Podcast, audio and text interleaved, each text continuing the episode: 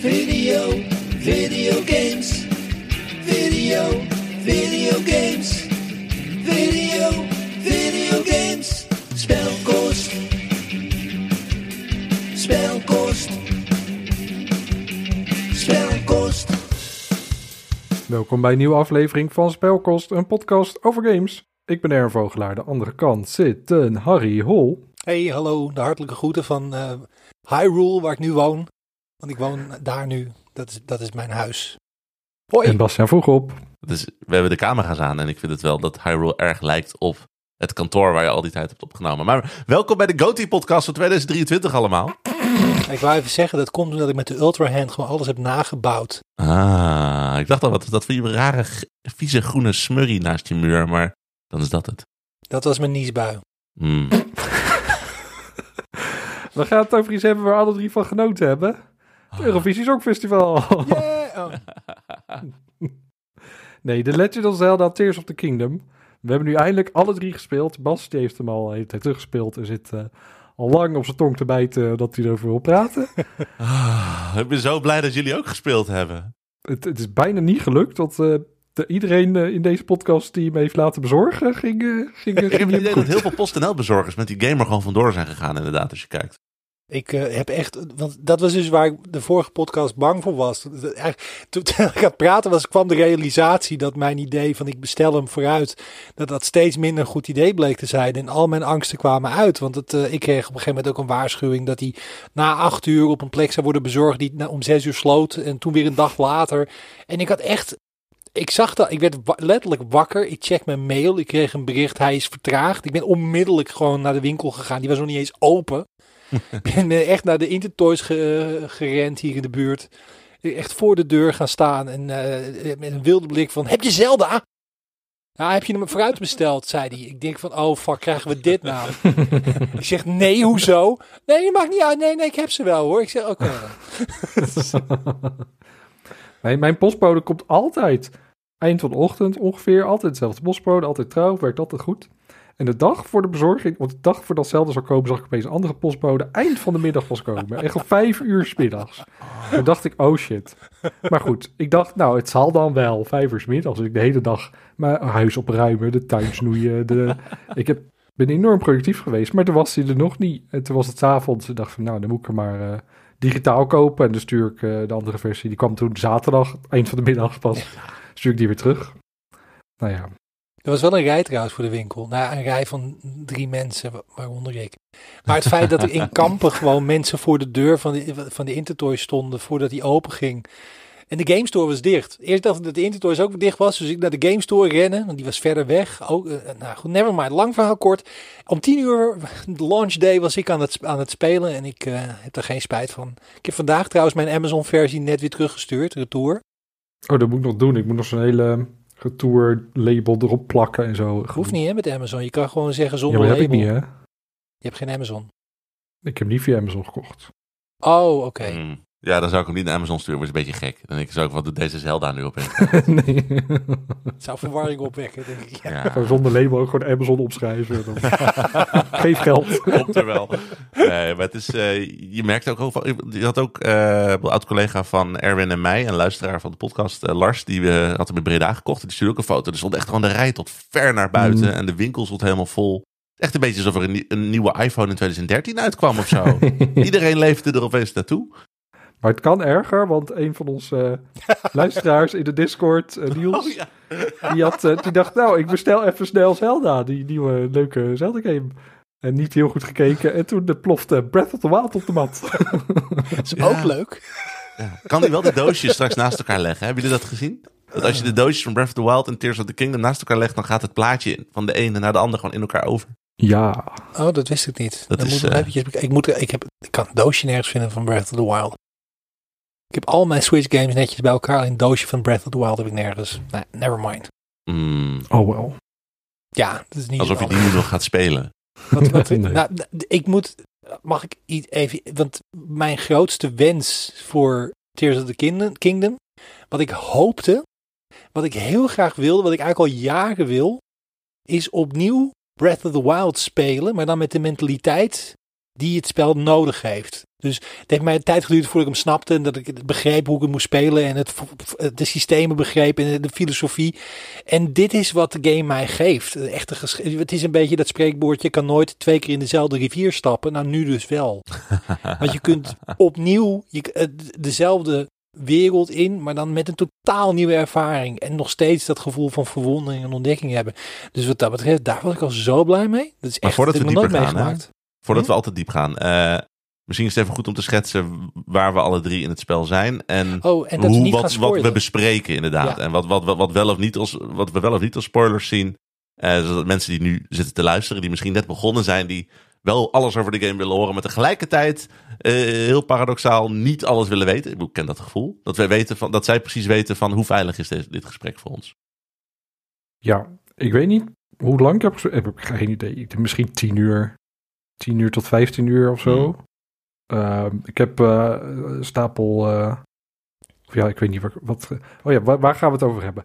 Ehm, we gaan geen eh, verhaaldingen spoilen. We gaan geen ehm, eh, d- dingen later in de game. Geen grote plot-elementen. Geen grote eh gameplay dingen waar je naartoe gaat. Quests en zo gaan we denk ik ook niet over hebben nu. Geen puzzeloplossingen. Geen specifieke shrines of zo, dat soort dingen. Helemaal geen shrines of niet de oplossingen in shrines? Niet de oplossingen in shrines. Oké. Maar wel wat shrines zijn. Ja, dat er en- en zijn. er zijn een bepaalde type shrines dat ik denk van, oh, het is zo cool dat dat er nu in zit in plaats van hoe het in Breath of the Wild gedaan werd. Maar dat is een beetje meta gameplay meer. Dus dat kan dan nog wel inderdaad, denk ik. Maar dan kan ik zeggen, ik heb 14 shrines gedaan. Dat is dan een eh, beetje kan een indicatie. Oh, Oh, dan ga je nog best lekker. Ik heb ze niet geteld. Die krijgt op een gegeven moment op het scherm. Als je een shrine hebt gedaan, dan staat in het laadscherm zie je een cijfertje met eh, hoeveel je hebt gedaan. Ja, nee, maar op dat soort dingen heb ik gewoon niet gelet. Eh, Hmm. ik, ik weet ook ex- niet exact hoeveel uur ik gespeeld heb. Dan moet ik het. Ik kwam erachter. Ik wilde dat wel checken, want ik, ik moest dan, dan moet je hem afsluiten op de Switch. Om eh, de, de, social menu van de Switch op te starten. En ik, jeetje, 2002 belt en wil zijn UI-design terug. Het is nog complexer dan dat, hè? want je moet tien dagen wachten. Want als je er nu naartoe staat, dan staat er Harry is eh, zoveel dagen geleden begonnen met Zelda spelen. En pas na tien dagen, oh, tenzij, wel, wij, wij, ik neem aan dat we vrienden zijn op de Switch. Ik kan naar jouw profiel op mijn eh, vriendenpagina en dan kan ik zien hoeveel uren je hebt gespeeld. dat kan dan wel weer. Het is eh, heel arbitrair. En, eh, ja, ik heb ook tien dagen lang er een beetje naar uitgekeken, of er tegenop gekeken om te weten hoeveel ik gespeeld had. Want het was, wist dat het veel was en dan is het toch confronterend. Dus geen spoilers, maar we gaan het wel hebben over de, de nieuwe mechanics. En het feit dat je dingen kan bouwen. En dat er machientjes in zitten waar je dingen mee kan doen. En, en dat, daar gaan we het dus wel over hebben. Dus als je dat niet wil weten, dan raad ik je aan om even te wachten tot je nog gespeeld Ja. hebt. En kom dan terug. Maar we gaan zeker geen grote onthullingen over verhaal of plot doen. Of bijvoorbeeld dat, dat moment dat echt verbijsterend is. Dat je op een gegeven moment... Oké, nee, dit was niet Ja, waar. Harry kan het grapje maken, maar ik kan hem altijd nog weer indammen door te zeggen dat ik hem gewoon het einde van de game kan vertellen als hij dat gaat doen. Dus het komt allemaal goed. We houden het in balans. En, eh, Je bent zo iemand die eh, toen Game of Thrones eh, op tv was, dat je zei van, ik ga, als je niet doet wat ik zeg, dan vertel ik je wat er in de boeken staat. nou, ik zit dus wel echt gewoon in frustratie dat ik wil het hebben over het einde van deze game. Maar niemand is daar nu op dit punt. En niemand gaat zich haasten. En dat terecht, moet je ook zeker niet doen. Doe gewoon een jaar om daar te komen. Maar er Ja. zitten daar bepaalde verhaalontwikkelingen. En ik van, dat is echt een coole discussie om te voeren. Maar ja, Hmm. dat, daar is nu niemand. Dus het is hier eenzaam. Voorlopig ben ik daar ook niet, nee. Nee, ik ook niet. Ik vind trouwens de manier waarop het achtergrondverhaal verteld wordt, vind ik alweer veel beter dan dat gedaan werd in Breath of the Wild. Het is meer mysterie, hè? Nou, maar ook gewoon de mechanic erachter. Want daar had je dan de memories. En dan had je zo'n zoekplaatje. En dan had je een album vol met foto's. En dan moest je naar de plek toe Mm. gaan die met die foto's stond. Hmm. En de, de, dat, dat vond ik echt niet leuk. Dat vond ik een van de weinige dingen die niet werkten voor mij. Dus die heb ik ook nooit eh, voltooid. Maar, maar in, in eh, Tears of the Kingdom zit er een mechanic in, waardoor het overduidelijk is waar die dingen te vinden zijn. Dus daardoor wordt het ook voor mij veel aantrekkelijker, want je ziet van verre al waar je ongeveer moet wezen. En dan is er ook een soort puzzel die je op moet lossen. En daardoor ben ik nou ook veel meer engaged in het verhaal. Om, Ja. Omdat de manier waarop ik die, die herinneringsscènes kan zien, dat is nou niet meer zo'n zoekplaatje. Ja, maar het is ook sowieso qua verhaal. We gaan nogmaals, we gaan het verhaal niet spoilen hoor. Maar eh, Breath of the Wild had echt zo'n verhaal waarbij het was van ja, dit is er aan de hand. Daar is de schurk, ga je ding doen. En dat snap ik ook wel met hoe ze die game ontwierpen. Want ze willen het ook echt zo. Breath of the Wild moest echt zo'n spel zijn waarbij je ook gewoon direct vanaf minuut 1 naar Ganon kon lopen om te verslaan. Dus dan moet je ook weten van, hé, hey, daar zit Ganon en daar gaan we tegen vechten. Maar deze game, eh, er zit gewoon wat meer mysterie in. Je weet niet al vanaf minuut 1 al precies hoe alles zit. En je luistert een beetje uit zoals het bij gewoon ieder goed verhaal ook überhaupt in elkaar hoort te zitten. Waardoor ik zelf ook veel meer gemotiveerd was om die main quests te gaan doen. Dat ik iets had van, ja, ik wil eigenlijk wel weten wat er gewoon nou in Hyrule aan de hand is. Ja, same. Ik, ik, ik heb wel een beetje, ehm, maar ik heb waarschijnlijk helemaal mis. Maar je kreeg dan het verhaal in kleine, kleine stil, stukjes. En ik had toen een eerste stukje en toen dacht ik, oh, het zit zo. Ja. En dan later, ja, is het van, en dan zijn die personages allemaal van, oh, wat is, ik snap het niet, wat is er aan de hand? En ik van, ja, maar het zit gewoon zo. Ja. En dan wordt dat ook zo ingevuld. En ik van, ja, maar, wist ik al hoe dat zat. Maar ik vind het is wat, vrij logisch. Maar, Ja. mis- maar misschien even een klein stapje terug.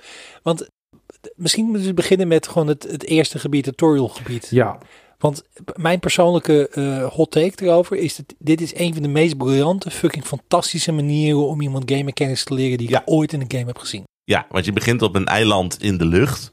Eh, verrassing, er zitten inderdaad eilanden in de lucht waar al de, alle trailers en marketing eens over gingen. En dan word je inderdaad à la Breath of the Wild wakker. En het is eigenlijk een beetje, bedoel, het is niet de Great Plateau die in de lucht is gestuurd, maar wel het idee van de Great Pla- Plateau daar. Maar dan, ik, ik vind het ook echt honderd keer beter uitgevoerd. En je hebt dan ook meer te doen. En je bent veel meer aan het aftasten van waar je nou ongeveer heen moet. En het is fantastisch.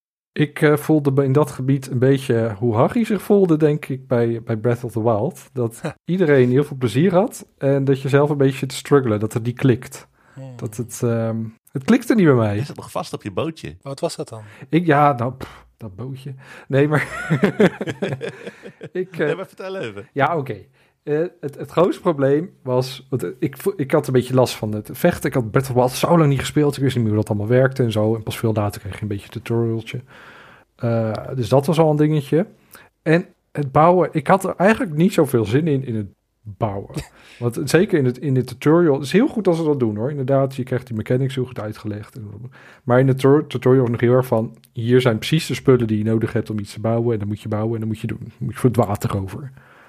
Ehm, ik wou het even, ik denk ik ga het even makkelijk doen. Ik doe twee boomstammen, twee ventilatoren en ik ga varen. En, en, en een zeiltje. Nou, dat bootje ging alleen maar rondjes draaien. Ik snapte het niet. Ik bedoel, ik heb toch twee ventilatoren, maar goed, prima. Dan doe ik het zo wel, dan ga ik wel een stukje zwemmen of zo. Maar die boot die ging direct richting een rots en dan bleef die steken. En ik kon niet weg, ik kon niet lopen, ik kon mijn krachten niet gebruiken. Ik zat vast. Ik moest de game opnieuw laden, omdat ik niks meer kon. En waar die me toen zette na het laden van die game was op een gebied waar ik was gekomen door allemaal objecten te verplaatsen. En die waren gereset. Dus ik kon er ook niet meer weg. En toen moest ik allemaal klimmen en klauteren. Toen was ik eindelijk weer terug bij dat bootje. Had ik weer hetzelfde probleem met het ronddraaien. En toen ben ik gaan zwemmen en toen verdronk ik. En dan ging ik weer terug naar het ene punt. Want ik had geen save ding gedaan. En oh, ik zat echt te struggelen. Ik, ik, wil, ik dacht, hè, ik heb eindelijk s'avonds die game. Ik wil genieten van Zelda. En ik zit hier gewoon te kloten en te doen. En wat is dit? Maar de- ik vind het wel, ik bedoel, dat, dat is balen. Maar ik, ik, ik, ik heb dus geen enkel van zo'n moment gehad Hmm. in alles. Eh, eh, Dus blijkbaar heb je net dat ene uitzonderlijke ding gedaan wat je niet had moeten doen in een open. Het is geen waardeoordeel, maar gewoon. Het is wel jouw schuld. Nee, maar heb jij nou ook, voel jij nou ook eigenlijk stiekem ergens een beetje bezwaard? Want iedereen roept, oh, beste game ooit. Alle, allemaal tienen overal, weet ik veel wat. En dan ben je gewoon gefrustreerd op dag één. Heb je ook het gevoel van, shit, ligt dit aan mij? Of hoe sta je er dan in als dat allemaal gebeurt? Het is allemaal, daar gaat het zo over hebben. Het is allemaal goed gekomen en Ja. gewoon in de wereld is goed. Maar ik heb wel van, iedereen zegt van, oh, deze tutorial is al veel beter dan elke andere game. En al het zo goed, het is zo fijn. En nou, ik had gewoon die ervaring niet. Eh, maar ja, dat is, eh, dat, is ook, dat is ook goed. Iedereen heeft een andere reis, een andere ervaring. En die is niet altijd voor iedereen even lekker. Je hebt gewoon een le- lekker band in de, in de eerste half uur richting Ja. Frankrijk. Dat, is, dat kan Ja. ook gebeuren. Nou, Ja. maar je, je had natuurlijk ook al de stress van het niet, niet krijgen van de game en zo. En het wachten. Ja, en toen werkte de controller niet. En, de- en, de- en, de- Oh ja, want je had een Stadia controller die je wilde aankoppelen en dat werkte niet. Ja, Dus ik had ook, ik had ook het niet. idee, ja, jij, jij zit niet in de beste headspace om nu ontspannen een game te gaan spelen. Ik was wel even gefrustreerd. Eerst de game niet bezorgen. Toen die Stadia controller niet meer wou connecten met zo'n 8-bit eh adaptertje. Mhm. En mijn, mijn, mijn Joy-Con had drift, dus dan kon ik het ook niet meer spelen. En ik had het even, ik zat even wel door, doorheen. Dat ik dacht van ja, kutzooi. En toen, eh, en toen ging die boot ook nog eens tegen die rots. Maar omdat ik dat allemaal niet wilde, was het voor mij echt van, nee, ik ga je niet eens over in discussie. Ik ga hem gewoon nog een keer kopen. Maar de, de reden dat het voor mij wel werkte, die tutorial, en blijkbaar had ik en andere anderhalf miljard mensen de mazzel dat het bij ons wel werkte. Ehm, Erwin. Nee, maar wat, wat ik zo goed vind eraan is dat eh, het is wel zo dat je. eh, het, is redelijk lineair. Je wordt een rondje geleid rond de wereld. Maar iedere keer als je een mechanic krijgt, is er omheen is er van alles te ontdekken. En krijg je de kans om te spelen met de dingen die je hebt gedaan. En er is nergens zo'n zo'n kut moment van pre- pre- press eh, left stick in to crouch. Op een Hmm. manier dat je. Er wordt, je- je- het is het feit ook dat ze de onderdelen neerleggen voor je. Ja. Van, je hebt hier drie planken en een zeil en een ventilator. Je moet aan de overkant. Dus je gaat een boot bouwen. Ga je gang. En vervolgens ga je het zelf doen. En, en, en, dat, en daardoor krijg je zelfverzekerdheid oké, dit werkt. Dit, zo, en sommige shrines werken ook zo. Dat je op een gegeven moment dingen, nieuwe machientjes die je krijgt, daar gaan we het zo nog over hebben. Dan wordt er gewoon letterlijk, wordt niet tegen je gezegd wat je moet doen. Maar oké, hier ligt voorwerp A, hier ligt voorwerp B. Je hebt één optie, die dingen met elkaar combineren. En dan zie je wat er gebeurt. En dan heb je nog steeds het gevoel van, what the fuck, dit kan. En dat vind ik zo knap eraan. Je moet het steeds zelf doen. Eh, Zonder dat iemand, eh, zonder dat het letterlijk tegen je gezegd wordt, wordt het toch tegen je gezegd. Ja, Nou, dat vind ik game- geniaal. de- Deze game houdt daar ook echt aan vast, inderdaad. Hè? Er zijn heel veel spellen die een groot uitroepteken of rode markers op de kaart zouden zetten. Van, "Hier, dit moet je doen, dit moet je doen, dit moet je doen. En als je het binnen 30 seconden hebt, dan zou Link, ja, Link, Link heeft geen voice actor, maar hypothetisch, zou Link dan zeggen, hmm, misschien moet ik even dit proberen. En dit spel vertrouwt inderdaad dat zijn spelers competent genoeg zijn om dingen uit te zoeken. En dat is op ieder vlak. Dus dat is bij een puzzel, maar dat is ook gewoon met eh, hoe, hoe, hoe de quests zich ontwikkelen en hoe de worldbuilding werkt. Het is, je moet constant tussen de regels doorlezen om die wereld te snappen en daardoor voelt die wereld slimmer. Ja, want je hebt dus een kracht, ultra hand, dan kun je dus objecten in de wereld pakken, zoals planken en wielen en dingen. En die kun je aan elkaar plakken. Ja. Ja. Ook één, één, één object pak je en die plak je erop. En zo bouw je eigenlijk een, eh, een voertuig of, of andere een brug of andere dingen. Ja, ik weet ook dat eh, vrij vroeg in de game zat ik op een punt. Toen moest ik naar een, een vliegend eiland toe. En, en, en er was een manier om daar vanuit de wereld te komen wat, wat de game uiteindelijk van je zou verwachten. Maar dat wist ik nog niet. En toen had ik van, fuck it, ik ga gewoon naar deze rare willekeurige uithoek van de kaart. Ik bouw daar het meest complexe vliegtuig dat ik kan bedenken. Ik vlieg erheen en dat werkt. Want dat, dat, mag, dat mag in deze game. Het is gewoon, als je, als je iets totaal out of the box in deze game verzint, dan kan het gewoon bijna altijd. En dat is gewoon fucking bi- bizar dat dat wil, dat wil ieder spel geloof ik doen. En iedere designer die dat probeert, die ontdekt achteraf van ja, wacht even, we kunnen mensen helemaal niet vrijlaten. Dat werkt gewoon niet. En in deze game werkt het wel. Het is, er, zit, er zit gewoon een of andere onzichtbare magische saus achter, waardoor dit gewoon allemaal goed in elkaar valt. Wat grappig is dat een van de, de enige echte vergissingen die ik maakte in het game aan het begin. Want ik, dan, toen merkte ik van oké, dit is de reden waarom ik niks over dit spel wilde weten voor ik ging spelen. Want ik had dus begrepen dat je dingen kon combineren. Dat was ook al verteld in die eh, in 10 10 10 Mhm. 10 minuten gameplay. Van het voorbeeld dat ze daar gaven is als je een pijl combineert met een oog van een vleermuis, dan wordt de pijl wordt een heat-seeking missile. En helemaal aan het eerste begin van het spel heb je alleen maar die, die power van Ultra Hand. Dus dan kan je dingen oppakken en elkaar plakken. En ik dacht, omdat ik dat videootje half goed begrepen had, dat die Ultra Hand bedoeld was om te fusen van dingen. Dus Hmm. ik was de hele tijd aan het proberen om, om een vuursteen aan een wapen vast te plakken. En, en, dan, en het grappige is, dan zie je dat dat wel ongeveer werkt. Maar dan hangt die steen er aan een soort druipende snotklodders. Hangt er zo half aan. En ik, denk, dit, dit- en, en dan doet hij ook verder niks. En dan zwaai en dan vliegt het er weer af. Dus ik, ik had echt het gevoel van, de, de- ik, ik snap het niet. Nee, tuurlijk snap ik het niet. Want ik had die power nog niet gekregen. Want die kwam de volgende stap in de tutorial pas. En dat was voor mij ook even een moment, een beetje een zen moment van Harry. Loslaten wat je weet. Geest leeg, geest open, de wereld in. Maar het is ook gewoon die, die fuse mechanic. Dat is gewoon. Dit is zo'n dit is zo'n wist je dat game. Dat als Ja. je met vrienden praat, dan van. Heb je dat al geprobeerd? Dat is een manier om erachter te komen. Of eh, om dat ook op te lossen. Dus. Eh, dan- dan heb je al eens geprobeerd een bom aan je schild te doen. En dan te gaan sch- schild surfen. Dat doet ook wat. En daar heb je wat aan. En het is gewoon. Zo zijn er een miljoen kleine dingetjes die je in deze game gewoon kan uitproberen. Ik, heb, eh, ik zie wel eens een filmpje langskomen op, op TikTok of Twitter dan van iemand die iets heeft gebouwd of iets combineert. En dat, ik, ik vind het niet eens erg om dat te zien. Ik van, ja, ik ga toch, er zijn zo ontzettend veel mogelijkheden. Ik ga dat echt niet allemaal zelf proberen. en dan zie je iets en denk je, oh, tof gedaan. Misschien, oh, dat wil ik ook proberen. Ik ga weer lekker spelen, ik heb er nu zin in. Of eh, gewoon, eh, nou ja, heel vet dat je daar eh, heel veel uren in hebt gestopt. Ik ga het zelf niet doen, maar echt waanzinnig dat het kan. Of het is een robot met een hele grote vlammende piemel. Ja, die viel Ja, direct briljant. Ja, dat is ook dag één. Je moet je voorstellen, er zijn gasten die hebben zes jaar lang aan dit spel gewerkt. En het spel is één keer uit. Het eerste wat viral gaat is een robot met een gigantische vlammende pik. Die daarna ontploft omdat zijn ballen eigenlijk bommen waren. Ja, en daarna Koroks die gekruisigd worden. Oh ja, de Koroks. En inderdaad, die rotte serie met Koroks is ook fantastisch. Dat je ze gewoon allemaal ziet ronddraaien boven een vuurtje. Ja, ja, zo'n hele spies.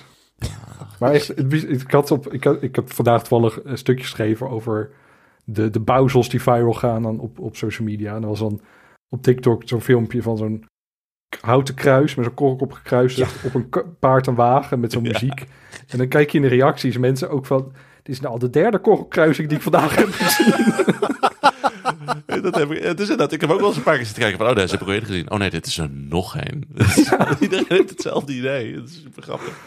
Ah, hebben jullie die ook gezien met die, dat die man die een springplank probeerde te maken om een shrine op te lossen? Die misging? Ja, ja dat, dat, die probeerde een, eh een, een soortement van katapult te maken.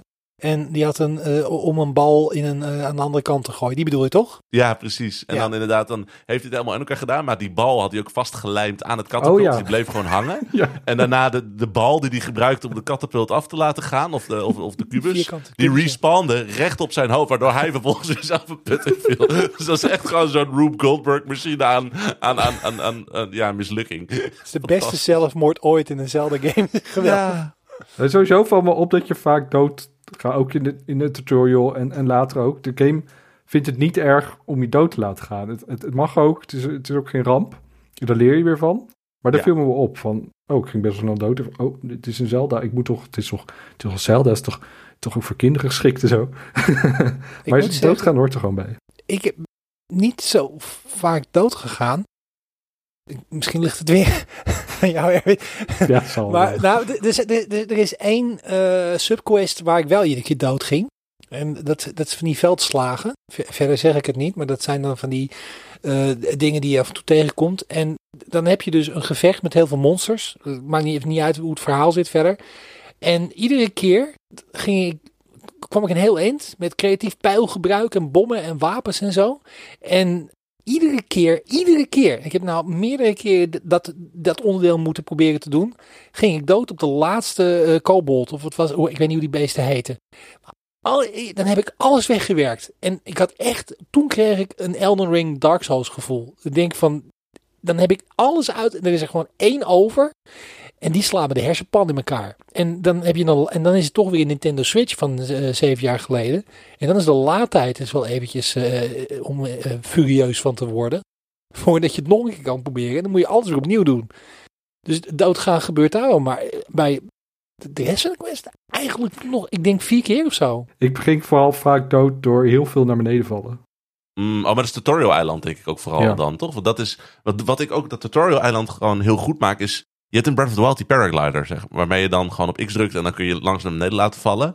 En, en daarmee is fall damage, ik bedoel, als je geen stamina meer hebt, dan kun je nog doodgaan. Maar als je gewoon een beetje oplet, ga je eigenlijk nooit dood.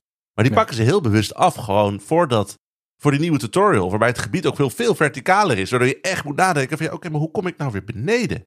Waardoor je, later ga je die game heel sandboxy benaderen. Van, nou, ik, heb, Mm. ik heb mijn paraglider, ik kan de lucht in, ik ga gewoon even snel rushen en dan probeer ik ergens te komen. En dan soms staat er een berg in de weg, moet je even nadenken wat je doet. Maar dat eiland, door die paraglider weg te nemen, zorgt juist dat je die wereld veel methodischer tegemoet gaat. En je krijgt bedoel, bij Breath of the Wild moet je de paraglider eh, krijgen voordat je de rest met de game, van de game gaat doen. Mhm. Deze game, je kunt hem eigenlijk overslaan als je wil. Hè? Er is een bepaald punt, dan moet je dan nog eventjes gaan Ja. kijken wat er aan de hand is. En dan krijg je hem daarna. Maar je zou gewoon die quest kunnen overslaan, de wereld in kunnen gaan.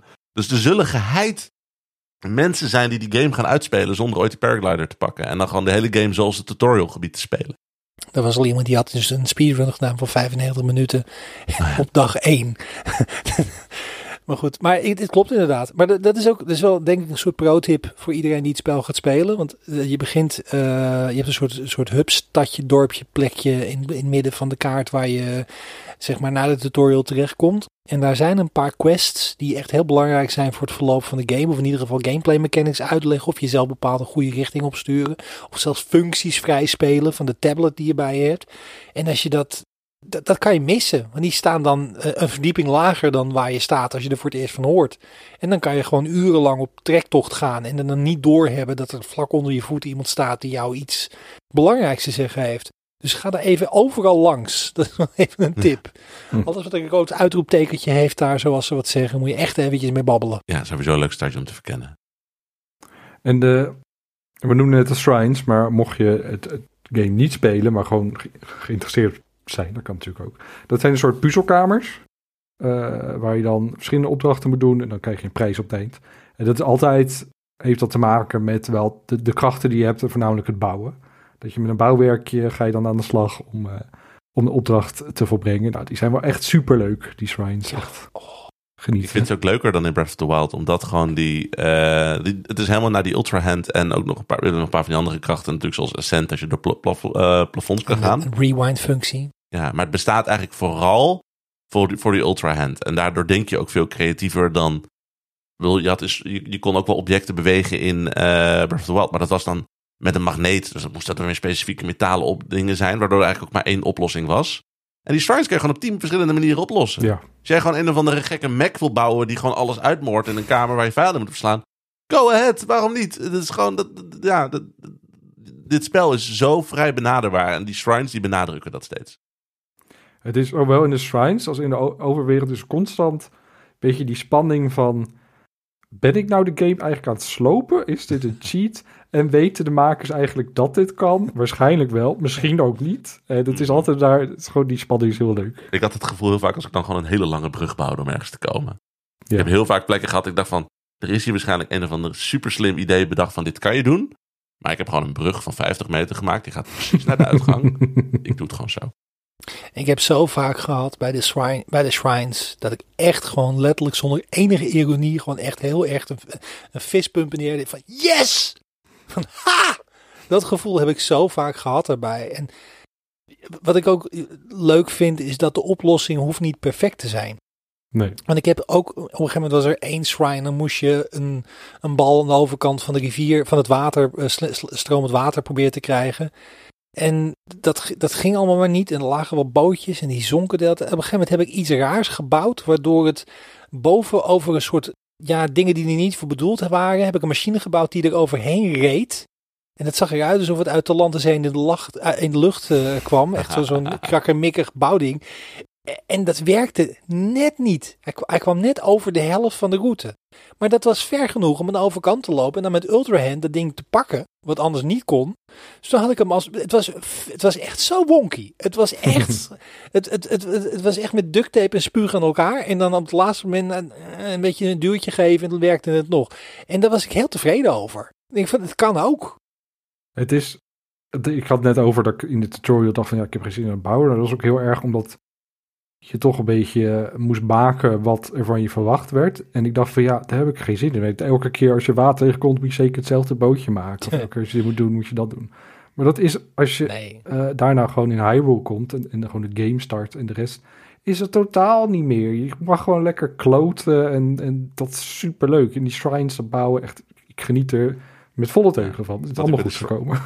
Wat ik met de shrines trouwens fijn vind, is dat Breath of the Wild eh, was er één shrine. Vond ik echt het kutste wat je in die game tegenkwam.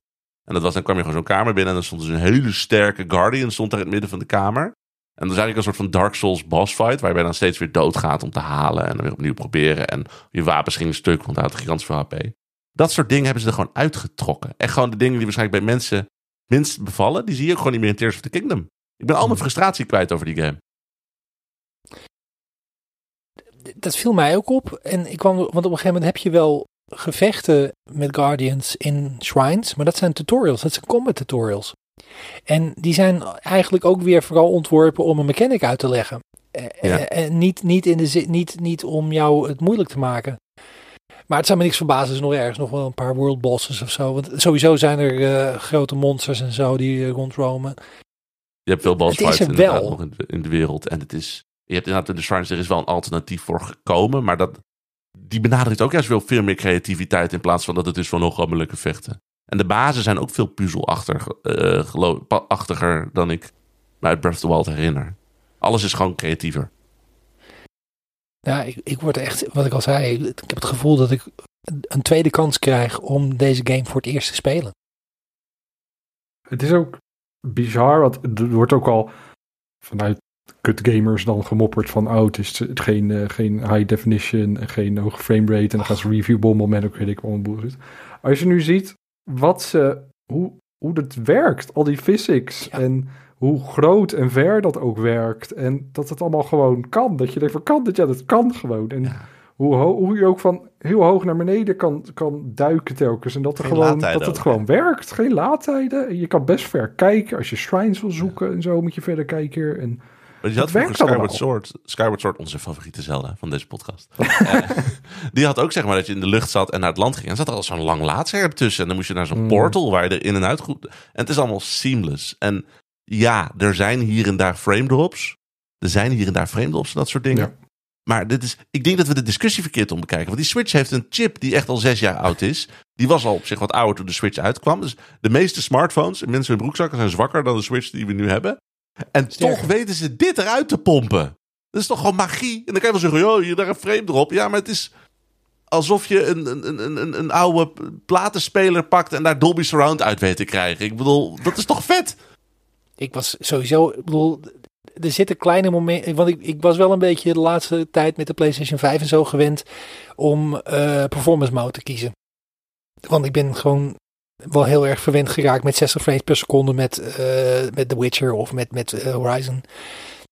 En ik dacht eigenlijk van, oh jee, ga ik dit niet irritant vinden op de Switch, maar gewoon niet. Want de game is gewoon, ah, het ziet er schitterend uit. De, vormgeving, de personages, het, het, het, is gewoon sexy. Gewoon echt, het, het, druipt van je scherm af. De ieder beeld is mooi. Het is gewoon niks wat niet mooi is. Iedere camerahoek die je zelf kiest, levert plaatjes op die in een stripverhaal een film kunnen horen. Dus het is gewoon beeldschoon. En die lage framerate is ook, het, is een laag, 30 frames per seconde.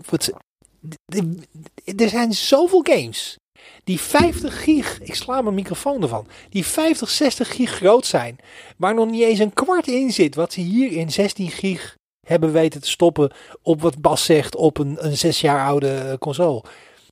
Ik bedoel, we hebben gewoon geen next gen nodig. Dit is next gen. Om eventjes mezelf te citeren toen ik de Majora's Mask rec- recenseerde.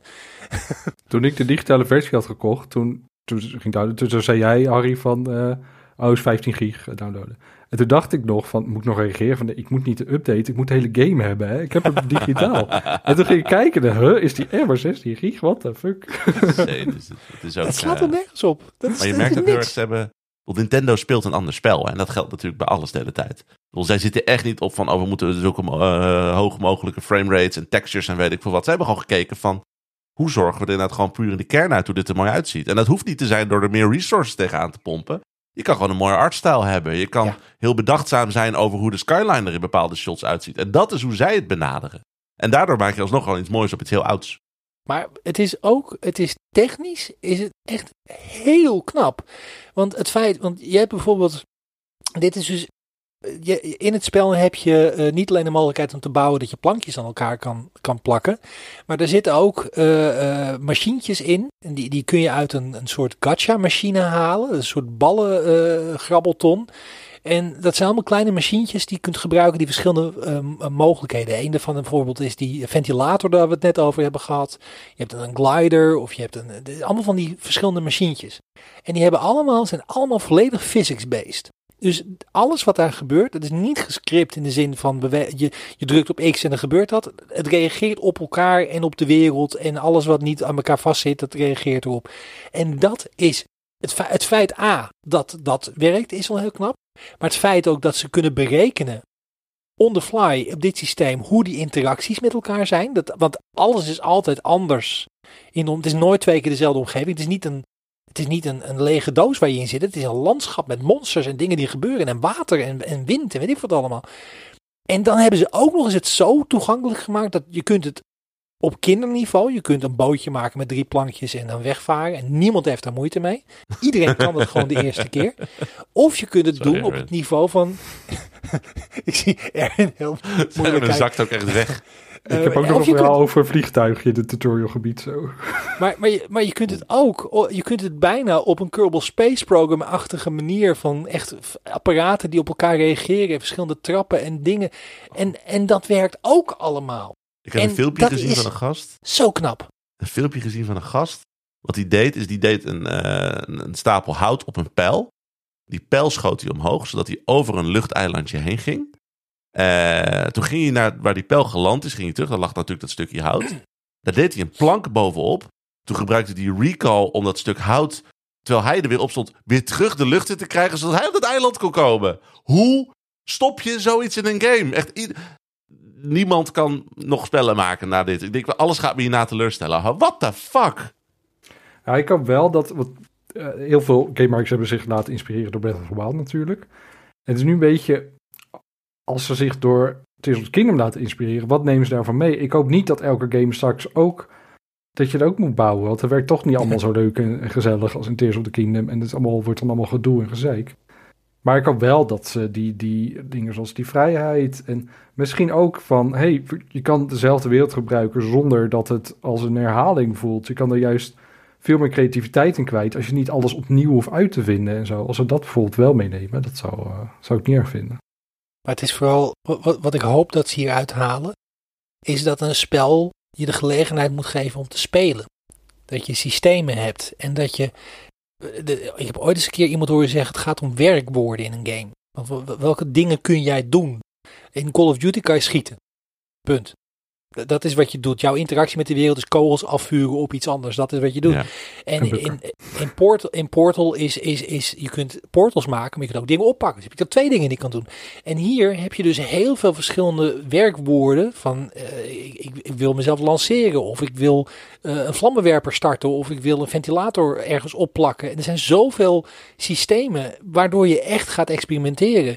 En ik hoop dat dat meer die, en, en dan denk ik van stel dat iemand met dit idee op een tien keer zo krachtige console dat gaat doen. Eh, dat wil ik. Ik wil dat spelen hebben, die systemen. Het is echt een, echt een, een hele, hele uitgebreide zandbak. Je kan ook zo lekker weer gewoon de main quest negeren. Je gaat gewoon lekker dingen doen. Je gaat shrines doen. Je gaat... ik, ik ging bijvoorbeeld... Ik wil, zie je op de kaart van, oh, daar wil ik heen. En het zal vast niet, want het, er zit zo'n ravijn tussen en al best wel hoge bergen. Ik ga het gewoon proberen. Ik ga gewoon doen. Ik ga lekker klimmen en klauteren. Half uur bezig geweest. Uiteindelijk van, nee, dit gaat hem niet worden. Dus ik ga wel wat anders doen. Maar ik heb een half uur heb ik echt leuk zitten klimmen en klauteren. Vond ik heel leuk. Vond ik heel gezellig. En ik denk als je er drie uur over gedaan had, dan zou het je misschien uiteindelijk wel toch een keer soort van gelukt zijn. Want Het zou best kunnen. er, is altijd wel een gekke manier om het toch, gewoon toch voor elkaar te krijgen. Je kan met drie hartjes, kan je waarschijnlijk gewoon alles in deze game flikken. En eh, zonder dat je, ja, het, het kan gewoon. Ik heb er nog geen vijf minuten niet vermaakt. Iedere keer als Hmm. ik eventjes wat ging doen, kwam ik altijd wel iets tegen. Eh, Of het nou een koolhok was, of een mannetje die langs de weg stond, of een, een nieuw voorwerp dat ik nog niet gezien had, of een hele eh, shrine. Het, het is me nog niet gebeurd dat ik na vijf minuten niet iets nieuws zag. Ja, die flow is ook slim, hè? Want ik, bedoel, Ja. ik zit dus nu in de, in de postgame. Dus ik heb, ik, ik heb, ik heb verhaal gedaan en zo. En ik heb iets van, ik wil nog steeds deze wereld verkennen. Ik wil niet dat dit ophoudt. En dan ga je naar je kaart en denk je, oh, ik ben daar nog niet geweest. Daar is iets. En de meeste, als je een Skyrim zou spelen, zou het echt gewoon marker naar marker naar marker naar marker naar marker naar marker gaan. En dan kom je er langzaam langs. Bij dit spel is het gewoon, ik ga, ik, ik ga er naartoe. Ik eh, schiet mezelf met zo'n toren misschien wel even de lucht in, zodat ik, eh, zodat ik er makkelijk kan komen. Vanuit de lucht zie ik dan, oh, daar is een luchteiland waar ik eigenlijk ook nog niet geweest ben. Even een markertje zetten. hey, daar is een eh, gek grotje. Ik ben benieuwd wat daar is. Oh, daar is een gekke ruïne. En je wordt constant afgeleid. En al die plekken die je ziet zijn ook nog eens... Eigenlijk net zoals in Elden Ring zijn ze gewoon allemaal handgemaakt. En is er altijd wel iets, ook echt oprecht iets leuks te doen. Het is niet weer de zoveelste grot waar je weer een zombie tegenkomt zonder dat er een verhaaltje in zit.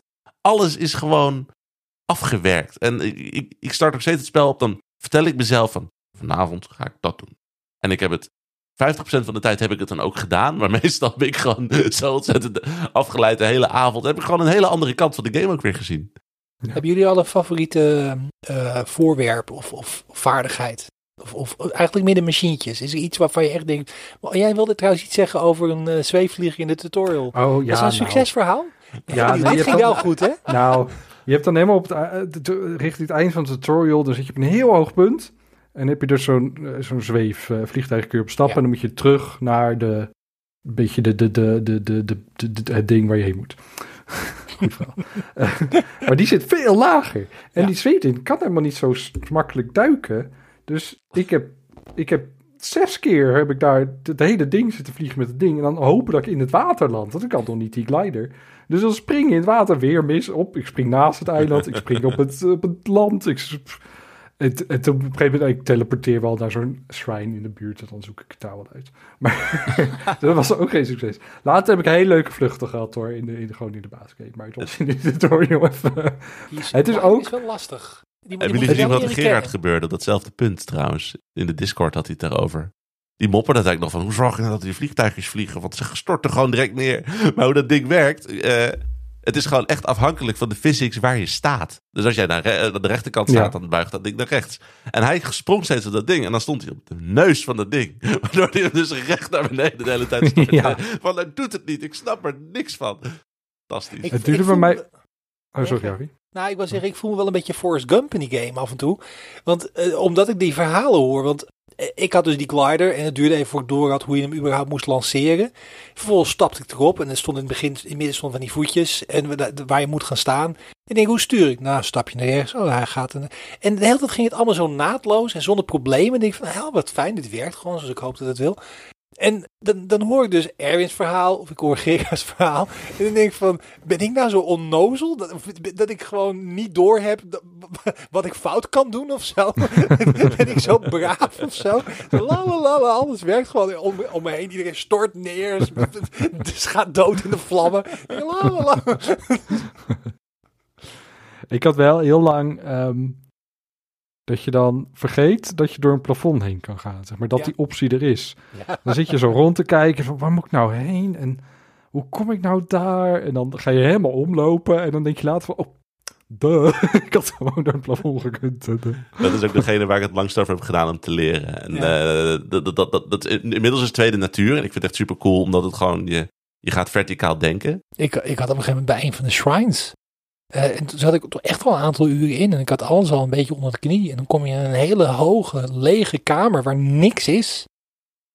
En ik heb daar echt, ik denk dat ik tien minuten echt mijn mond open, mijn sta van, waar moet ik hiermee? en, dan ga, en dan ga je die, die, God, die eh, Ultrahand gebruiken om te kijken of dingen oplichten. Dat je ze op kan pakken en zo. En, en ik, ik kijk omhoog en enorm en hoog een richel. En hoe kom ik daar godsnaam?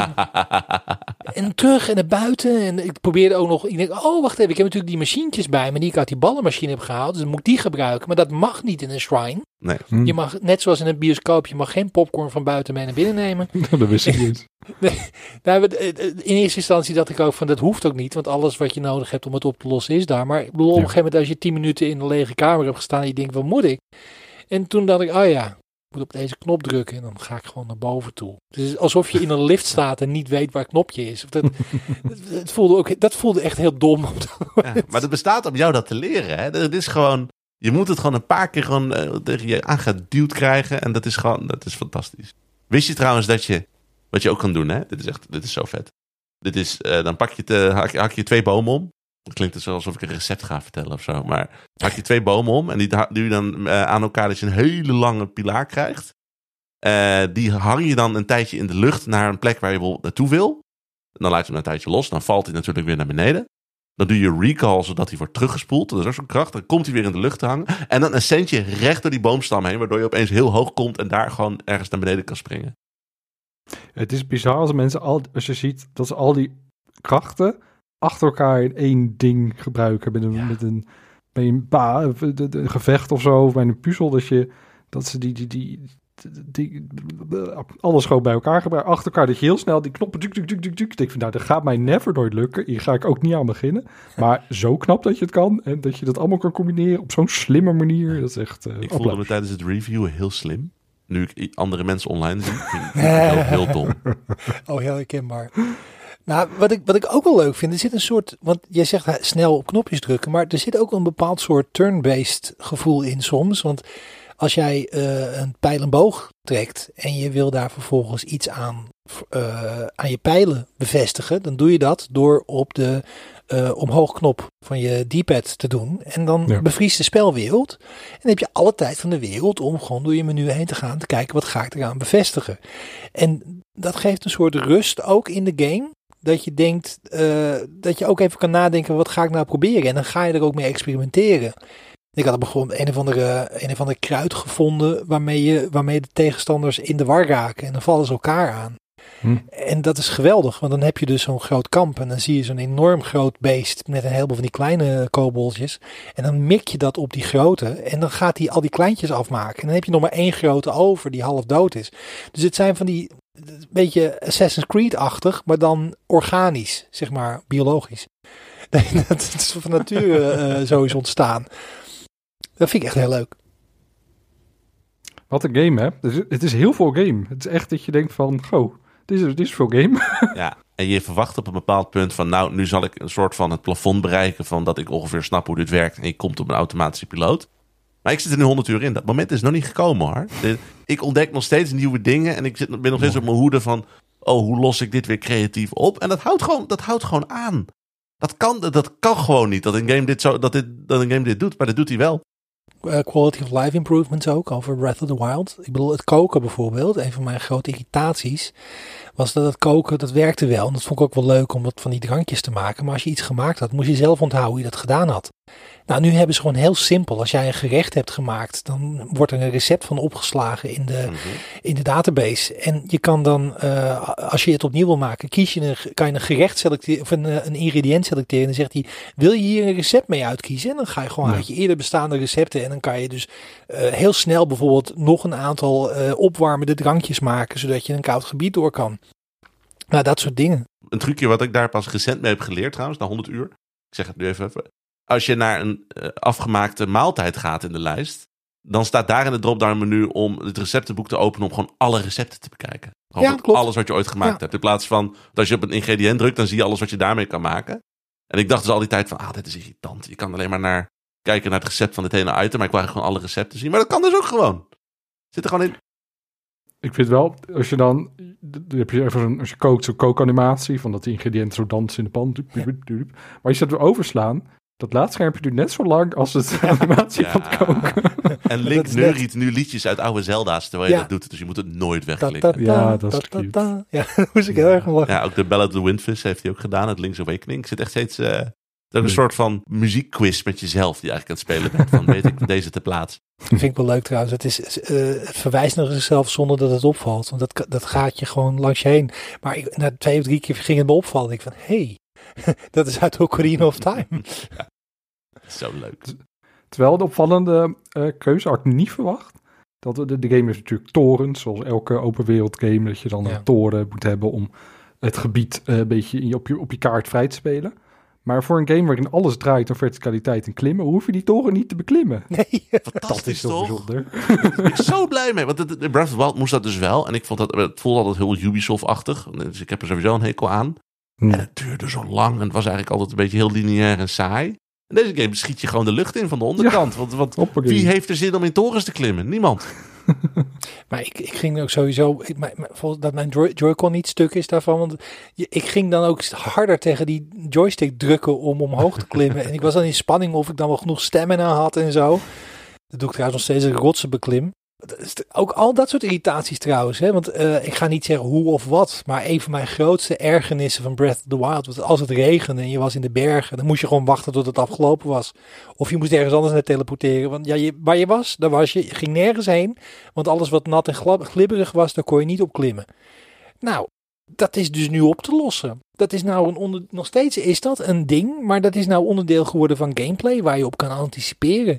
En dat was bij alle andere aspecten van de game was dat zo, met warmte, met kou, met, met zwemmen, weet ik wat allemaal, maar niet met klimmen op gladde wanden. Wacht, en dat is dan? nu opgelost. Want ik weet dit niet.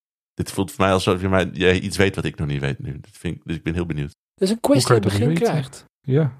Oh, met de... Met onze collega's. Ja, precies.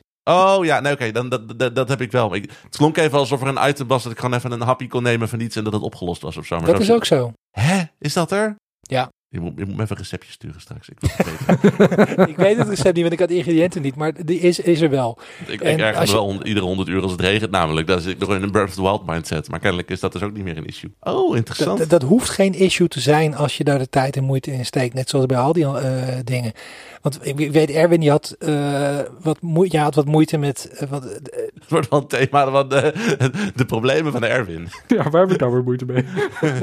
nou, ik bedoel het op geen enkele manier lullig. Het, is, maar ja, jij, het enige wat jij Nee, maar- vertelt is hoe erg je die game vindt. Hoe slecht en zo.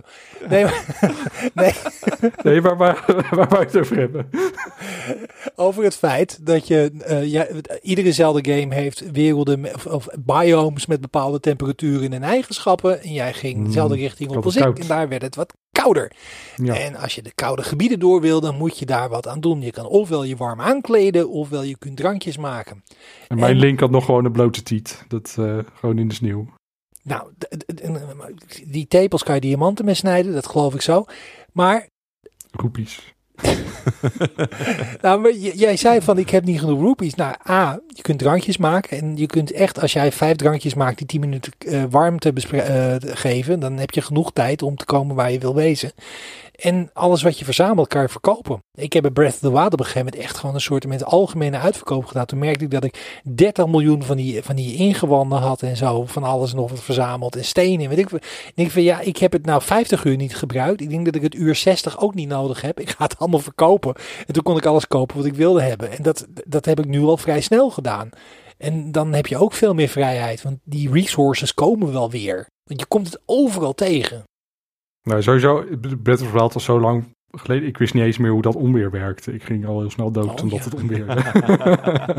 dat moest ik ook. Ik moest dat even googelen. van, Waarom ga ik dood door het onweer? nou, dat is als je dus een metalen wapen of, eh, of schild bijdraagt. Eh, maar inderdaad, je hebt dan. ehm, je verzamelt allemaal stenen. En ik dacht van ja, misschien heb je die nog nodig eh, voor, voor craften of zo. Of voor, voor dingen. Dus.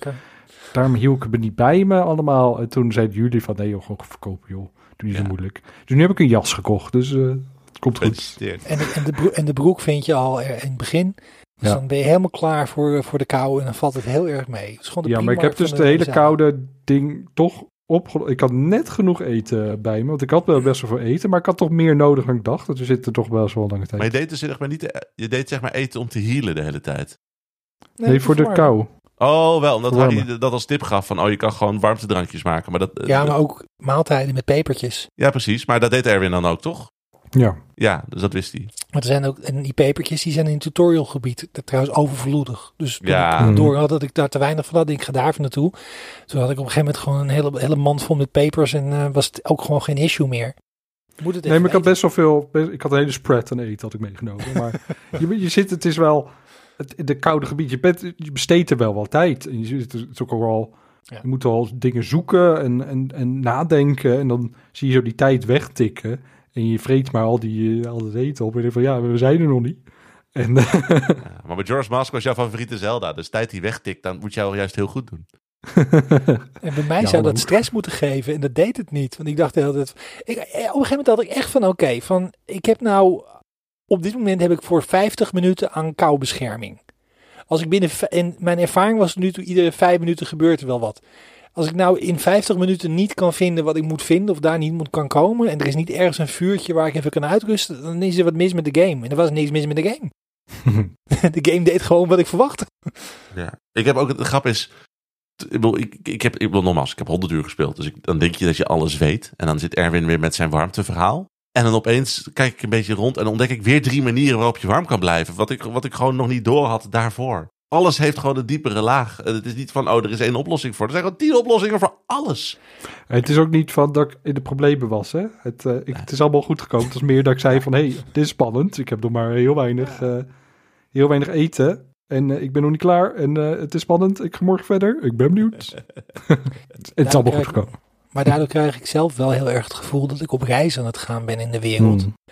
En ehm, je kunt te paard. eh, en dat is trouwens ook de paarden die je Heb verzameld. De, de paarden die je hebt verzameld in Breath of the Wild, die kun je dus weer gebruiken in. Dat is het enige wat overdraagt naar de nieuwe game. Waar trouwens, ik baalde een beetje. Want ik had namelijk in mijn Jack, in Bre- Breath of the Wild had, heette mijn paard Jack. Dus ik had een nieuw paard gevangen in, eh, in, eh, in Tears of the Kingdom.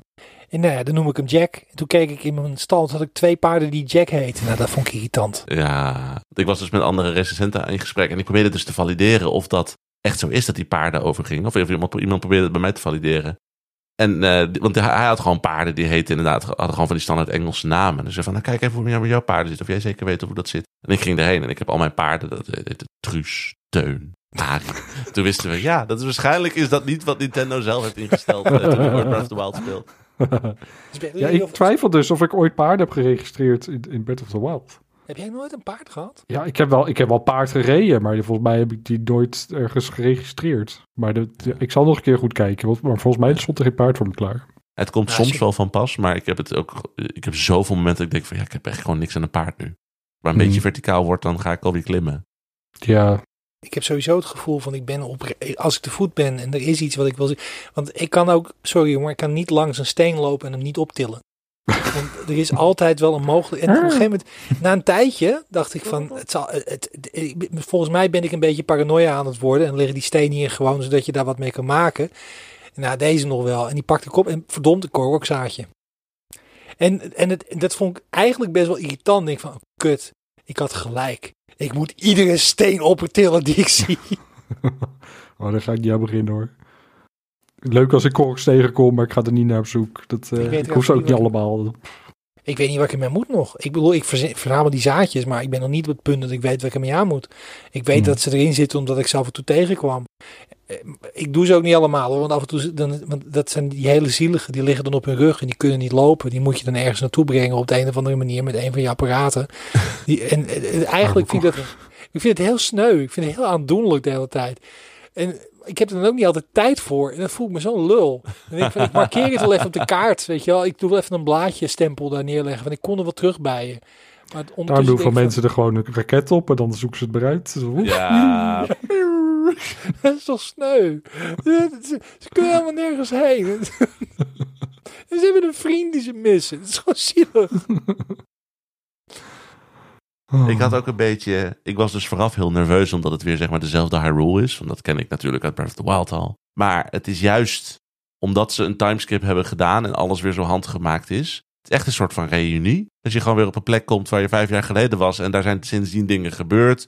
Verhaallijntjes die zijn Ja. doorgezet. Eh, En, en, en alles is natuurlijk gewoon beschikbaar. Dus overal zit inderdaad een verhaaltje. Dus ik, ik, ik was, ik was gisteren, ik zal niet zeggen wat er gebeurt. Maar ik was gisteren gewoon naar het begingebied van Breath of the Wild gegaan. Om te kijken van nou, hoe Hm. ligt dat er nu voor? En, er is, en d- dit is nooit een spel waar je met een sisser, zeg maar, er, eh, of, of, of teleurgesteld, zeg maar, ergens wegloopt. Dat is zo knap.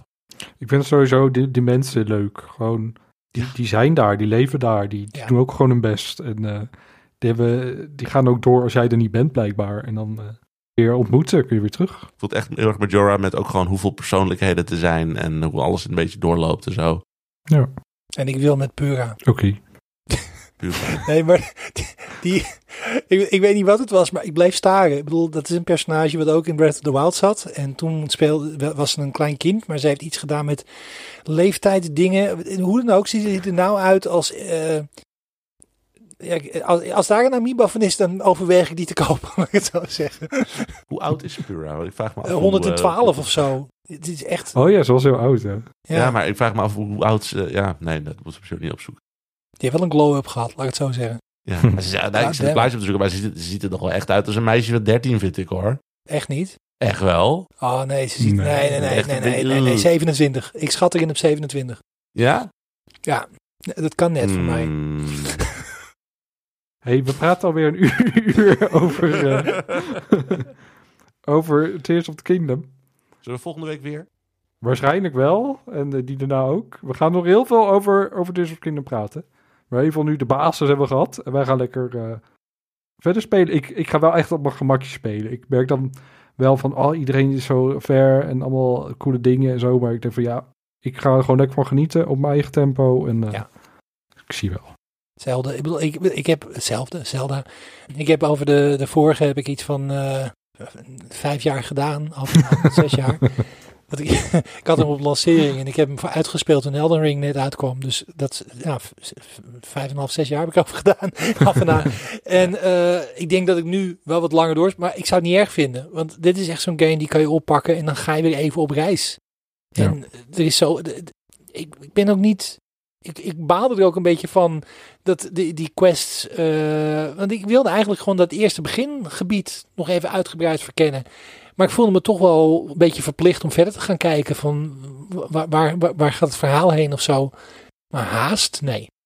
Nee, het is trouwens ook, we hadden het vorige week al even over, maar mocht je nou luisteren en denken, ik wil er samen doorheen. We hebben op onze Discord, eh, op, eh, die vind je op spelkost.nl, hebben we een kanaal eh, over, oh, waarbij, waarbij we eigenlijk gewoon met z'n allen Zelda spelen. En waar iedereen heel braaf spoilertekst gebruikt en zegt van, hey, het gaat over dit en het gaat niet over dit. als het een beetje spoilerachtig is. Dus dat is, een- ik vind het tot nu toe een fantastische, veilige plek om lekker een beetje met z'n allen door die game heen te gaan. Ja, heel leuk. Ja, en het- er is genoeg eh, en iedereen is ongeveer met dezelfde dingen bezig. Wel, Erwin gaat heel vaak dood en eh, ik weet niet wat ik fout kan doen. Maar het is, nee, maar het, het is wel heel erg, als je nu inspringt, dan zit je wel precies op het moment van het gesprek waar je waarschijnlijk in de game ook zit. En dat is wel heel erg prettig, want ik- niemand is aan het haasten. Er zitten geen speedrunners in de spelkost eh, Discord op dit moment. Iedereen is gewoon lekker aan het roamen. Ik heb een draadje gemaakt om over het einde te praten, maar niemand praat terug. Het is wel jammer. Maar, eh, Er was iemand die had, een- had eh, eh, in, in, de, eh, in de Discord iets geschre- ges- geschreven in de trant van... eh, dit is een hele grote spoiler over iets wat in het plot gebeurt. En toen een groot zwart vlak. Ja, nee, dat ga ik nooit lezen. Echt, over vijf jaar ga ik het nog niet lezen. Want als je het zo omschrijft, klik ik het nooit aan. Ik geloof dat ik dit heb gedaan en dat er uiteindelijk niks staat. Nee, nee, nee, was jij niet. Nee, nee, was niet zeker? anders. Ja, weet ik heel zeker. Want jij was het er ook mee eens. En toen heeft Hmm. diegene het gecorrigeerd. Toen was er helemaal niks aan de hand. Sowieso was er niks aan de hand. Maar dan denk ik van ja, als je gaat schrijven, eh, dit is een enorme spoiler voor een groot plotmoment. Nee, sorry, never. Nooit. Oh nee, het- eh, er staat er ook eentje tussen. Dat is er eentje. Ja, dat, dat is een spoiler voor deze spoiler. Maar dan klik je erop. Het is letterlijk een raceauto met een spoiler achterop met Zelda erop. Dat is mijn grap toen ik het over, to- toen over Gran Turismo had. In onze Gotti eh, inhaalslag. Toen zei ik, spoiler alert, mijn game van het jaar is Gran Turismo 7. En toen keken jullie mij glazig aan, want jullie snapten de grap niet. Want jullie hebben geen fuck met auto's. We snapten de grap wel. We vonden hem gewoon heel slecht. Nee, dat is een briljante grap. Dat is een Hmm. objectieve goede grap. Hmm, Het is gewoon een we- wetenschappelijk bewezen goede grap. hmm. Vraag maar aan de luisteraars nu. Ik hoor ze niet. Ik wel. Ligt eraan wie het gaat editen. We gaan naar de tips. Want we hebben ook eh, andere dingen dan Zelda. Eh, niet veel. Nou, maar Nee, niet veel. Ze zijn er wel. Het was schrapen deze week. Oh, dit was echt een probleem. Ah, ik heb ook weer zin om te spelen, maar goed. Ehm, Ik ga ook Eh, spelen Bas. zo. Ja, we snel afsluiten kunnen we weer gaan spelen. Ja. Hey, eh, naast het Zelda-kanaal hebben we een nieuw kanaal. Want we kwamen erachter dat allemaal mensen in hun tuin bezig waren in de Discord. Dus hebben we die tuinkost en houden we elkaar up-to-date over onze tuinieravonturen. Oh, daar was ik ook weer bij. Ik wist niet dat we een kanaal hadden. Jazeker. daar heb ik- ik Oh, daar moet ik ook bij. Ik ben gras aan het laten groeien. Dat is een enorm episch Nou, verhaal. Plaats even een paar foto's. Zet er even foto's in dan. Ik wil het wel zien hoe, dat, hoe je, hoe je, hoe je gezonnetje erbij ligt op dit moment.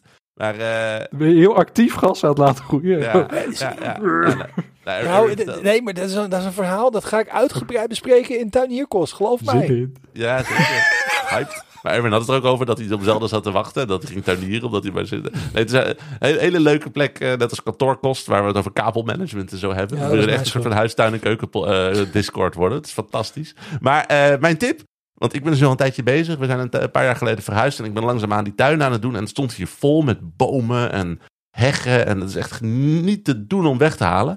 Toen heb ik de Root Slayer gekocht. Wat is de Rootslayer? Dat klinkt als een wapen in Doom. Ja. Maar dat is eigenlijk gewoon. Het, is eigenlijk, het zou ook een wapen in Doom kunnen zijn. Laten we eerlijk zijn, want dit ding is zo veelzijdig. Het is een schep met gewoon een goede stevige stalen eh, stok aan vast. Maar, maar de schep zelf, die bestaat, is een soort van driehoek. Met een eh, met een- zo- zo- zo'n inham erin, zodat je hem op een eh, wortel kan zetten. En dan kan je hem doorduwen en te scherp. En dan snij je de wortels door. En, Oh, aan, ja. en aan beide zijkanten zitten ook zagen. Dus als je een echt dikke wortel hebt, Dan zet je dat ding diagonaal op de grond. En dan blijf je heen en weer schoppen tegenaan met je voet. Dan zaag je gewoon in de grond zaag je die wortels kapot. En ik heb met dat ding heb ik echt die hele tuin inmiddels leeg gemaakt. Dus het is echt fantastisch. Als je die combineert met een robijn, dan kun je de wortels ook wegbranden. Mm, ja, als je met een wiel hangt, dan kan ik hem ook gewoon geautomatiseerd gewoon door de grond heen laten draaien de hele tijd. Ah, ik, eh, ik wil deze ook. Eigenlijk nu te laat. Ik heb heel veel, heel veel wortels verwijderd met een spade en heel veel in het zweet gewerkt. Maar het was ook een goede workout. Dus eh, Zeker, is goed voor je. Ik heb gras gezaaid. Ook heel veel werk. heb je geen root slayer nodig. Heb je een eh, Nee. grass Grassroots. Grass grower. grower. Erwin, wat heb Eh, jij? Weer een HBO-serie. Eh, Somebody Somewhere. Gaat over een eh, vrouw die gaat terug naar haar ge- geboorte. Harry zat zoeken wie je waar. Maar Somebody somewhere. ik kijk om me heen. Is een vrouw die gaat terug naar haar eh, geboorteplaats. Want haar zus ligt op sterven. Eh, dat is voor de serie begint, eh, speelt zich af. Die zus overlijdt, bla bla. Eh, en dan blijft ze daar een beetje hangen. En dan moet ze weer eh, een, nieuw leven daar starten. Een beetje haarzelf ook weer vinden. En ehm dan sluit ze vriendschappen met eh, iemand die ze nog kent van school vroeger. Nooit echt aandacht aan besteed had. Maar nu worden ze de beste vrienden. En eh, ze krijgen een beetje connectie met een, een queer kerkachtige gemeenschap waar ze gelijkgezinden vindt. En ze leert haar stem te vinden door te zingen daar. En het is niet een serie die kijkt van... hé, hey, er gebeurt een spannend plot, er gaan mensen dood. Of ja, er gaat zo iemand dood, maar... Er, er worden mensen vermoord of er gebeuren spannende dingen. Het is heel erg een beetje kabbelend, een beetje slice of life. Maar het is echt de meest hartverwarmende, fijne serie die er op dit moment is. Het is heel... Het is niet zwaar. Het is, het is gewoon heel prettig en fijn. En soms zit je te gieren van het lachen. En eh, soms is het wel emotioneel, maar het is echt een hele fijne serie. Het is dan op maandag komt er elke maandag een nieuwe aflevering, net als Succession en Barry. Dat zijn echt hele goede series. En deze kan zich daaraan meten. Gewoon elke maandag heb je drie echt ijzersterke series. Dat is best wel knap als je aan, aan die andere series kan meten, zonder dat je het echt ergens over gaat. Nice. Dus eh, Somebody Somewhere. Harry, wat is jouw tip? Ehm, het is een wat ouder boek wat ik een tijdje geleden heb geluisterd. Eh, en het is ook niet alleen dat ik een tijdje geleden geluisterd heb. Het is gewoon een ouder boek, maar het is erg de moeite waard. Een boektip. En dat is de North Korea Journal van Michael Palin. En Michael Palin kennen jullie allemaal uiteraard als een van de OG eh, Monty Python crew. Maar hij heeft, daarna heeft hij een carrière gemaakt als, eh, schrijf, als, als eh, reisschrijver, travel writer en reisseries gemaakt. Zijn eerste grote was Reis rond de wereld in 80 dagen. Dat hij dus met treinen en boten en zo probeerde om in 80 dagen de wereld rond te reizen. En hij heeft daarna nog een aantal andere van die reisboeken gemaakt. En één daarvan eh, is dus een trip van hem met een cameraploeg en eh, mensen naar Noord-Korea. En Noord-Korea, dat heeft me altijd, ja, zoals veel mensen, mateloos gefascineerd. Het is natuurlijk een, een doodeng en, en oppressief, eh, dictatoriale nachtmerrie om in te wonen. En dat je daar dan als Britse BBC-cameraploeg naartoe gaat, maar dan wel met, of onder begeleiding van die, ja, van handlers die een to- totalitaire eh, regime zo goed mogelijk voor de kamer willen krijgen. Dan krijg je dus een verhaal van hem, zijn reisdagboek, van hoe zijn trip in Noord-Korea eh, verliep. En hoe hij contact heeft met de mensen, hoe hij eh, in discussie gaat met de mensen die hem moeten bewaken. Af en toe nog her en der nog een soortement van burger probeert te spreken, die dan uiteraard Mm. als de dood is, dat hij wordt neergeschoten als die iets zegt wat niet. eh, maar het is omdat het hij een, een leuke verhalenverteller is, is het een heel interessant inkijkje. Een beetje, ik, ik krijg er wel een beetje een beklemmend gevoel van. Want het is natuurlijk heel raar. Dat, hij beschrijft hem bijvoorbeeld dat hij in een hotel is, wat echt overduidelijk alleen maar gebouwd is als showpiece naar de wereld. Van er is een hotel, want wij leven hier in luxe, we zijn hier rijk. En er is daar één gast en dat is hij. En eh, en eh, winkels waar niks in ligt, maar wel nepdingen. Of, het is heel, het is een heel bizar sfeertje wat hij beschrijft. En wa- wat hij eigenlijk maar. Wat zeg je? Beetje Black Mirror aflevering eh, vibes krijg je ervan, ja. Ja, maar, maar dan dus wat echt bestaat. Maar, maar ook, Ja. hij heeft ook wel een soort sympathie voor de mensen. En hij begrijpt ook wel dat ze in een wereld leven die anders is dan die van ons. Dus hij is niet aan het veroordelen. En, eh, het, is, het is echt een heel leuk. eh, en ik heb het audioboek geluisterd, wat ik sowieso bij hem erg leuk vind. Hij heeft een hele prettige ver- eh, vertelstem. En ik kan sowieso alle audioboeken van Michael Palin aanraden, want die zijn gewoon Oh, ho, één super tip, één tip, één tip. Dus je gewoon een duizend boeken aan te raden hier. Kijk uit.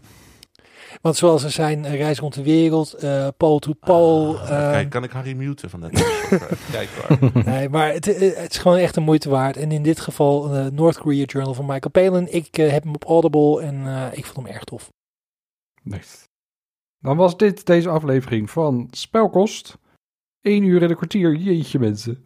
Dat is veel te weinig. We hebben het niet eens gehad over weapon degradation. Volgende week gaan we gewoon verder, hè? En eh, iedere Ja. aflevering, dan zitten zijn jullie ook iets verder. Kunnen we iets meer bespreken. Dus, eh, gaan Hadden jullie er last van trouwens, dat je wapenstuk gingen? Vonden jullie dat net zo erg als in Breath of the Wild of was het anders? Ik vond het Nou best wel proberen het op een helemaal niet, helemaal niet erg. Maar hier heb je gewoon elke keer zie je een stok in een steen heb je een wapen. Je Ja, precies. Maar eh, we gaan sluiten af. We sluiten af. Wil je meer informatie over de podcast, dan ga je naar spelkost.nl. Er staat, zoals Bas al zei, de Discord voor onze duin, tuin, eh, tuinierpraat. En andere praat, Zelda praat en eh, andere leuke dingen. En ook eh, vind je daar de link naar onze Patreon als je ons wil steunen voor het maken van deze podcast via een vast bedrag per maand. Dat doen we nu al. Eh, Dennis, Erik, Roland, Mark, Gerard, Wietse, Niels en Kevin. Super bedankt allemaal. Ja, Hartelijk bedankt. En Geen dan... eh, Nee, eh, hartstikke fijn. Dat helpt ons heel erg om... eh, we zitten nu ook, eh, deze, nemen deze podcast ook op met nieuwe software die het als het goed is weer een beetje beter allemaal maakt. En dat komt ook weer dankzij onze patrons. Dus daar zijn we heel blij mee. yes. Yes. Absoluut. Eh, dan eh, namens uh, Basje Vroeg op Hariool. Ik ben Er Vogelaar. Heel erg bedankt voor het luisteren en tot de volgende keer. Video, video games. Video, Video games. Video, video games. Spelkost. Spell Spelkost.